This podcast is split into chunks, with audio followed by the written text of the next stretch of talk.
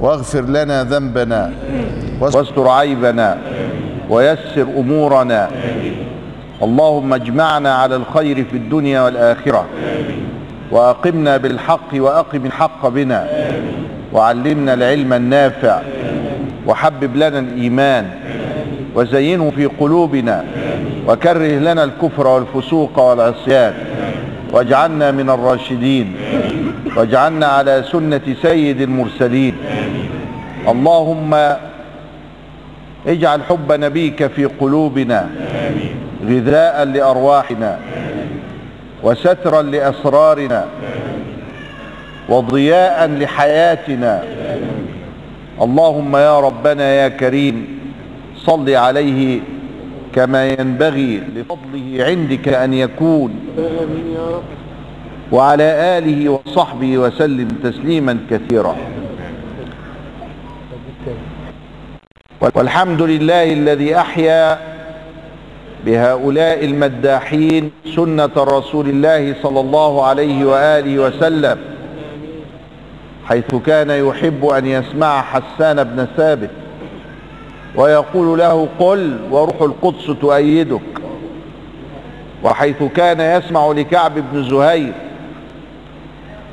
ثم يرضى عنه برضا الله فيخلع عباءته الشريفة ويجلسه عليها حتى سميت قصيدته بالبردة. ويسمع غيره ممن مدح رسول الله صلى الله عليه وسلم وتغنى بالثناء عليه. فاللهم صل على سيدنا محمد في الأولين واللهم صل على سيدنا محمد في الآخرين. واللهم صل على سيدنا محمد في العالمين وسلم تسليما كثيرا. قال رضي الله تعالى عنه ونفعنا الله بعلومه في الدارين آمين. لينفق ذو سعة من سعته. الواصلون إليه. ومن قدر عليه رزقه. السائرون إليه يعني كل واحد على قد الحافو اللي ربنا رزقه بيه. هناك الواصلون إليه أصحاب الدرجات العلى أصحاب درجة القرب والحديث معه سبحانه وتعالى. وهؤلاء رزقهم الله من سعة. وأجزل لهم العطاء في قلوبهم وأرواحهم وعقولهم وأنفسهم. فأنفقوا من هذا العطاء لمن حولهم حتى إذا ما رأيته ذكرت الله. وكان سببا لرؤية رحمة الله في العالمين.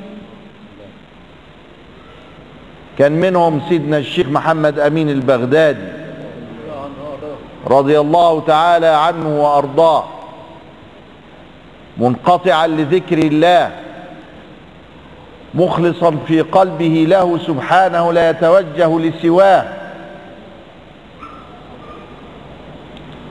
قالوا الشيخ أحمد مرسي ومعاه بنته أخته أخته الصغيرة. ما كانش لسه اتجوز الشيخ أحمد مرسي كانت أخته الصغيرة. وكان هنا طبيب كبير بتاع عيون. قال له خلاص عمت. وما بقيتش تشوفه انتهى الأمر. أخذ الله حبيبتيه فشال البنت عندها تسع سنين وراح للشيخ. والشيخ كان يجلس هنا في مسجد الظاهر جاء شنكير بعد سيدنا الحسين على إيدك اليمين جوه قدام حمامات الجمالية. الخلوات هناك كان يجلس في الخلوة الثانية من على إيدك الشمال وانت داخل ودفن في هذا المسجد. فرح له بيها وقال له خلاص. الطبيب بيقول إنها خلاص برت بصرها وأصبحت عمياء. طب أنا أعمل بيها إيه؟ طب الراجل لما يعمى أو يعرف يتصرف يروح ويجي دي أعمل بها إيه بقى؟ إن شاء الله. قال له قدر يا أحمد. قال له قدر وخلاص. ربنا عمل قدره. قول له بقى إن هو يفتحها قال له إيه؟ يعني أنا أعمل إيه قدر. ربنا خد البصر بتاع البنت إن شاء الله. قال له ماني مش قايم من هنا. شوف الدلال على الله. شوف الثقة في الله. شوف شأن الواصلين إليه. كيف يكون رحمة للعباد. قال له أنا مش من قايم من هنا إلا لما تشوف لك صرفة. قال له طب اقفل الباب الله. فك الغماض اللي على عينيها. فك. وصلى على رسول الله ونفخ فيها. وقال اللهم صل على سيدنا محمد. وراح نافخ نفخه في عينيها. البت فتحت واتشعبطت في في رقاب كان الشيخ أحمد مرسي حينئذ ملوش لحية. وسيدنا الشيخ ملتحي. فقالت له إيه ده؟ واتشعبطت في لحيته. يعني البت شافت. فلا لحية. قالت له طب ليه يعني انت عندك لحية كده؟ قال لها لأني رجل. قالت واخويا أحمد مش راجل؟ أخويا أحمد يعني مش راجل. فقال لها رجل إن شاء الله. قالت له ولولوش ليه اللحيه قال يكون له إن شاء الله. فأطلق الشيخ لحيته من حينئذ. قال له لوجه الله لا تخبر أحدا ما حييت. كانوا يحبوا يستروا نفسهم. هيقفوا لهم طوابير ويتحول الشيخ إلى شبه الدجاجله شوف الفرق بين الدجال اللي بيعلن إعلانات عن نفسه إن عندي قدرة الشفاء وعندي قدرة كذا وشوف الواصلين إليه. لينفق ذو سعة من سعته. قال له لوجه الله يا أحمد ما تجيبش خبر لحد. اللي أنت شفته ده. بلاش عشان خاطر النبي. قال له حاضر. قال له ناخد العهد. خد العهد. على ذلك. عهد الله. قال له طب اعمل إيه دلوقتي أنا روحت يعني هيلوة فتحت شيء غريب. قال له لا أنت تروح للطبيب تاني. وبعدين الطبيب يكشف عليها. فيلاقيها خفت بإذن الله. خلاص. له طيب. فراح للطبيب غمضها تاني بالغماض وبتاع فالطبيب فتح وكشف قال له إيه ده؟ أنتوا كنتوا عند مين؟ قال ما كناش عند حد. قال له انت تكذب البنت كانت في انفصال في الشبكية اتوصلت اتوصلت إزاي؟ دلوقتي بيعملوها بالليزر. ما كانش ساعتها الليزر لسه اخترعوه. إزاي يعني؟ دي حاجة تقول لي حالا مين اللي عمل كده؟ أنا مفيش حد ده من أنا الله اللي عمل كده. قالوا أنا عارف إن الله هو اللي عمل كده. مين بقى اللي عمل كده؟ من البشر يعني أو من الظاهر. وخرج حصلت له حالة كده جلال الدكتور الطبيب. وقال لهم يا اخوانا للعيانين جالكوا الفرج. جالكوا الفرج. خلاص جالكوا الفرج. إيه ده؟ فالمهم يا اخوانا الواصلون إليه يقول الإمام السيوطي لابد منهم في الأمة. يعني لابد ناس تخلص وتنقطع عن علائق الدنيا وتحب الله ورسوله حتى تكون نبراسا للآخرين. ما يبقاش المعصية هي الشائعة. وكل ما يطلع واحد يطلع برضه نص نص وربع ربع وتل... لا ماشي. خلي الربع ربع ونص نص موجودين بس لابد من واحد ولا اتنين ولا ثلاثة يعني تلجأ إليهم الأمة ترجع إليهم في الدعاء يدعون الله فيستجيب. فكنا ممن رأينا من تلامذة الشيخ محمد أمين البغدادي الشيخ أحمد حمادة. كان يجلس هنا في فناء الأزهر مات عن تسعين سنة. رضي الله تعالى عنه وأرضاه. ولم يتزوج وانقطع للعبادة لله. وكان يتوضأ ويجلس يصلي الضحى فيستغرق.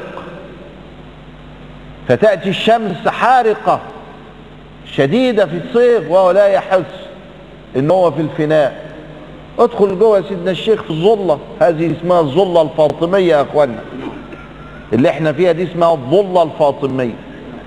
جايبينها من الظلة بتاعت سيدنا رسول الله صلى الله عليه وسلم اللي هي التعريشة يعني. كده يبقى دي المسقوف. وهو غايب. وبعد ما يخلص صلاة يدخل في الذكر وبعد الذكر يدخل في القرآن. وبعد ما يخلص وكان حافظ القرآن بالعشر كان شافعي كان يقرئ المجموع. وجالس للعبادة كده على طول. ولم يفكر في الزواج أبدا إلا قبل وفاته بسنة. وكان مات عنده كم سنة؟ تسعين سنة. تسعة وثمانين فكر في الجواز. ليه؟ علشان حد يخدمه في الطهارات فتنكشف عورته على محرم أو يعني على ذات حل يعني. آدي الناس الطيبين يا أخوان. كان الراجل ده قاعد في أوضة ورا السيدة سكينة. وكان في المحراب دائما. يصلي الضحى 12 ركعة والصلوات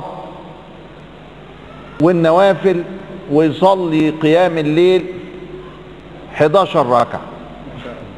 ظل هكذا أبدا إلا في يوم واحد بس. وهو يوم وفاته صبحوا لقوا ما, ما, ما, ما أمشي اتوضى فاستغربوا قالوا الشيخ تعبان تسعين سنة. فلقوه مات. بعد صلاة العشاء والوتر. كان رضي الله تعالى عنه لما كبر في السن ما يقدرش يا اخوانا يقوم. إلا في صلاة الفريضة. إذا جت صلاة الفريضة يقوم زي السبع كده ويصلي صلاة تامة بأركانها. وإذا سلم السلام عليكم السلام عليكم يقول شيلوني شيلوني مش قادر يقوم. البطارية خلصت. طب إيه اللي بيحصل له؟ لما بيجي الفرض قوة من عند الله. فلم يصلي جالسا ابدا في فرض فإذا انتهى الفرض لا يستطيع ولو حاول القيام. كرامة مستمرة دي ولا لا؟ وكان مستجاب الدعاء. أدي بقى الفكرة بقى الكرامة بقى. مش هشك بوشك شخشمان بخشمان. وكل واحد عايز الشيخ يبقى حاوي. لا ده كان مستجاب الدعاء فكان الناس تروح له كده. أنا عندي شهادة مش عارف في امتحان في تأشيرة عايز أخدها من الأمريكان في مش عارف إيه يدعو ولم في بكرة في أصل راح أتجوز ولا بيتخلف ابدا في استجابة الدعاء عنه ربه. أي والله. بس كانوا محبين بصدق لله ورسوله. يذكر اسم رسول الله فترى أعينهم تفيض من الدمع. من جوه مش من بره مش بعقله. ده من جوه. الواصلون إليه. الحمد لله إن إحنا شفنا بعضهم.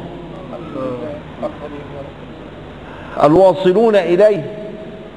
يحكي لك بقى الشيخ أسامة عن الشيخ محمد زكي الدين إبراهيم والأحوال اللي كنا رأيناها عن الشيخ صالح الجعفري نقول إيه ولا إيه؟ كده بسلاسة. الشيخ صالح وهو يخرج من هذا الباب كان عنده خادم اسمه سيد موجود الشيخ سيد لغاية دلوقتي. يقول له يا سيد حب رسول الله وينصبها كده. حب رسول الله. يعني عليك حب رسول الله. اوعى تسيب حب رسول الله. اوعى يا سيد. يا سيد يعني مين؟ كلنا. حب رسول الله. ركن الإيمان. الواصلون إليه يا اخوانا صدقوا ما عاهدوا الله عليه فصدقهم الله. والله سبحانه وتعالى أوفى من وفى بالذمم. نعم. طب واللي قدر عليه رزقه؟ قال على قدك يا أخي. أحب الأعمال إلى الله جهد المقل. إيه جهد المقل دي؟ يعني أنا ما معيش في جيب إلا خمسة جنيه. رحت متصدق باتنين. واحد في جيبه عشر تلاف جنيه مصروف يد. فتصدق بألفين إيه رأيك إن الاتنين جنيه بتوعي أبرك من الألفين بتوع؟ طب هم الألفين هياخدوا قد إيه عند الله؟ عشرة يبقى عشرين ألف جنيه. له عند الله عشرين ألف ثواب. والاتنين جنيه بتوعي عشرين اتنين في عشرة بعشرين برضه. لكن إيه رأيك تقل العشرين بتاعتي دي عشرين كيلو وهو. وهو عشرين ألف جرام؟ طب ليه؟ الاتنين طلعوا من قلة مفيش. الاتنين طلعوا من جهد المقل. ما معيش إلا خمسة جنيه وأنا عايز سبعة. وبالرغم من كده عطيت. فعطيت عن عن حاجة. والتاني عطت اتنين من عشر تلاف ما هم بيصرفهم في الشوكولاتة.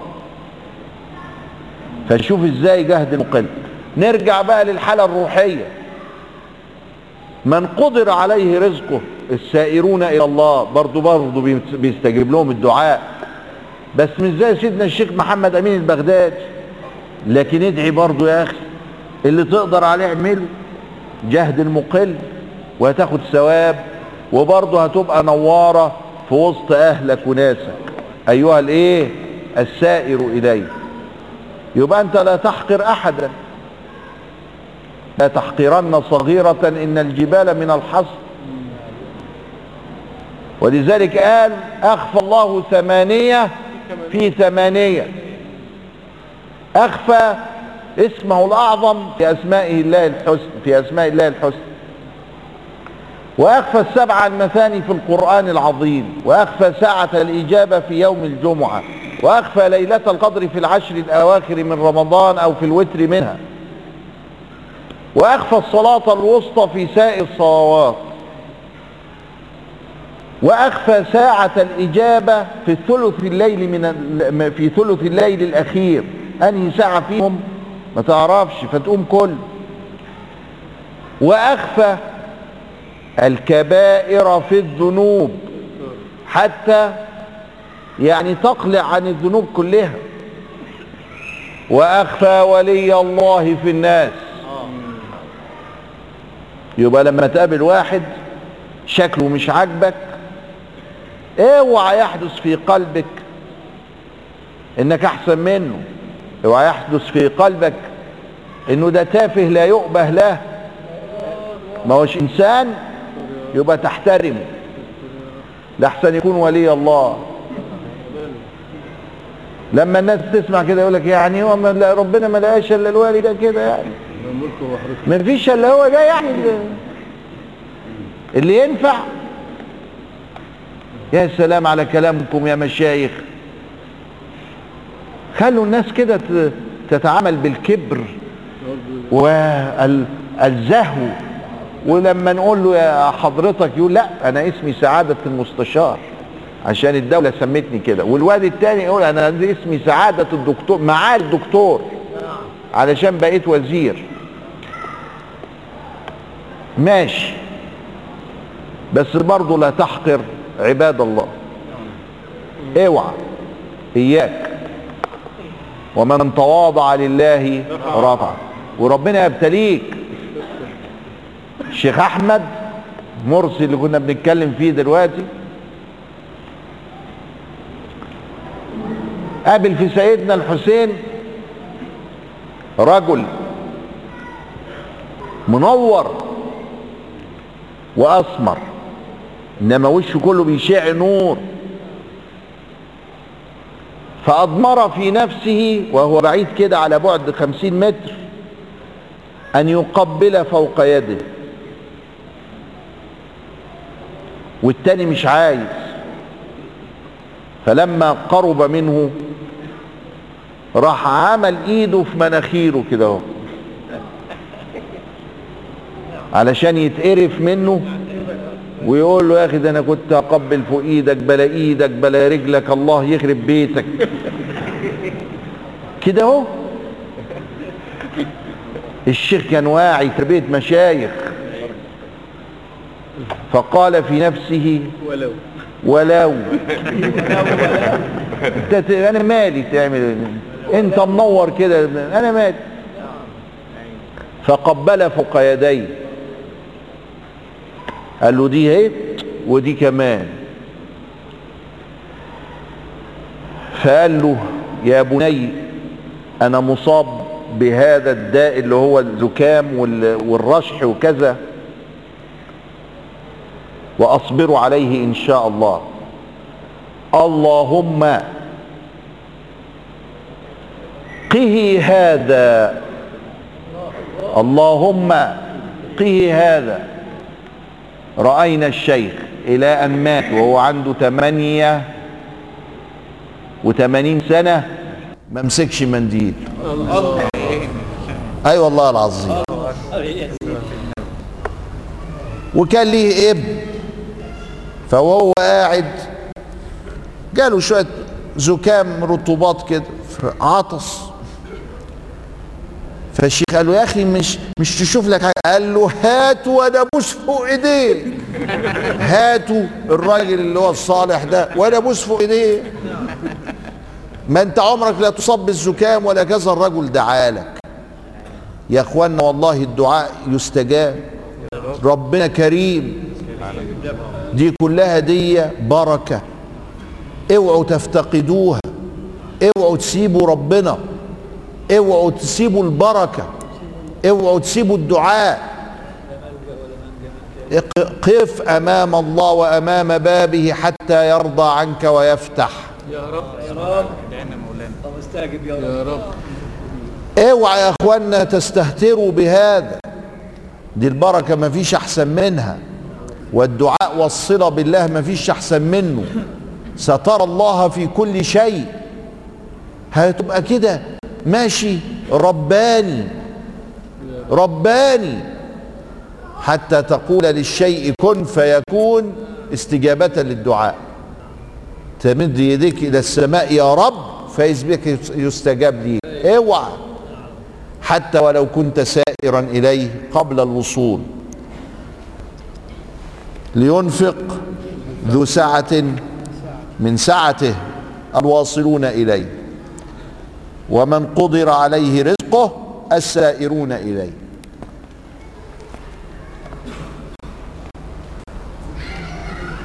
اوعى تحقر عباد الله؟ فإن الذي أمامك قد يكون وليا. يقول أبو مدين وكن مهما قدموك ورا. وهو بيعلم الآداب في السير إلى الله. خليك تملي ورا. يقول لك لا اتفضل. قول له اتفضل إيه؟ أنا ورا هنا أهو. بس من جوه. مش من بره وتقول أهو أنا متأخر وسي وخادم القوم سيدهم. مفيش فايدة. تتأخر من أجل أن تتفاخر أمام نفسك. اوعى. تأخر وأنت موقن أن هذا مكان أن هذا موقن أن هذا مكانك تماما وأن هذا هو موضعك الحقيقي أن تكون وراء يرفعك الله ويقدمك ويلقي عليك من محبته ما يجعل الناس ينظرون إليك فيحبونك فإن الله إذا أحب عبدا نادى في الملأ الأعلى إني أحب فلانا فأحبوه. فيبلغ جبريل إلى الملائكة إلى كذا إلى أن يصل إلى الأرض فيلقي عليك محبة منه كما ألقاها على موسى وألقيت عليك محبة مني الواد فرعون كان ينظر إلى سيدنا موسى فيحبه. وهو يعلم من النجوم والبخربطة الخربطة بتاعتهم أنه قتله بس مش قادر. واعلموا أن الله يحول بين المرء وقلبه وأنه إليه تحشرون. عايز يقتله. وقال وهموته. وأول ما ما قابله قالوا إيه؟ ألم نربك فينا وليدا؟ الله؟ طب ما تقتله وتدهمكوا بعينك كده كان يقتل بالنظرة. فرعون. ومن المواجهة إيه؟ يا ابني مش كده. الله ده كلام بتاع فراعنه ألم نربك فينا وليدا؟ ولبثت فينا من عمرك السنين وفعلت فعلتك التي فعلت وأنت من الكافرين. إيه ده؟ هو ده كلام ده؟ فين بقى القوة وكذا إلى آخره؟ منين؟ وألقيت عليك محبة مني ولتصنع على عيني منين؟ واعلموا أن الله يحول بين المرء وقلب مش قادر. أم ربنا يخليك كده يلقي عليك القبول. كانت أمي تدعي لي كده تقول يا ابني روح ربنا يجعل في حنكك سكرة وفي وجهك جوهرة. شوف الكلام بتاع الناس الطيبين. حنكك يعني إيه؟ فمك. حنك اللي هو اكتب. حنكك اللي هو الفم. تيمور تملي يكتب الكلام ده. وفي وشك يعني وجهك. سك... جوهرة. بص لك الواحد كده يشوفه جوهرة يسمع كلامك يبقى سكرة. كلام حلو. بس فيه بركة. شوف دعاء حلو. وفيه بركة. فعيشوا في البركة. فاللهم يا ربنا اغفر ذنبنا واستر عيبنا وعلمنا العلم النافع.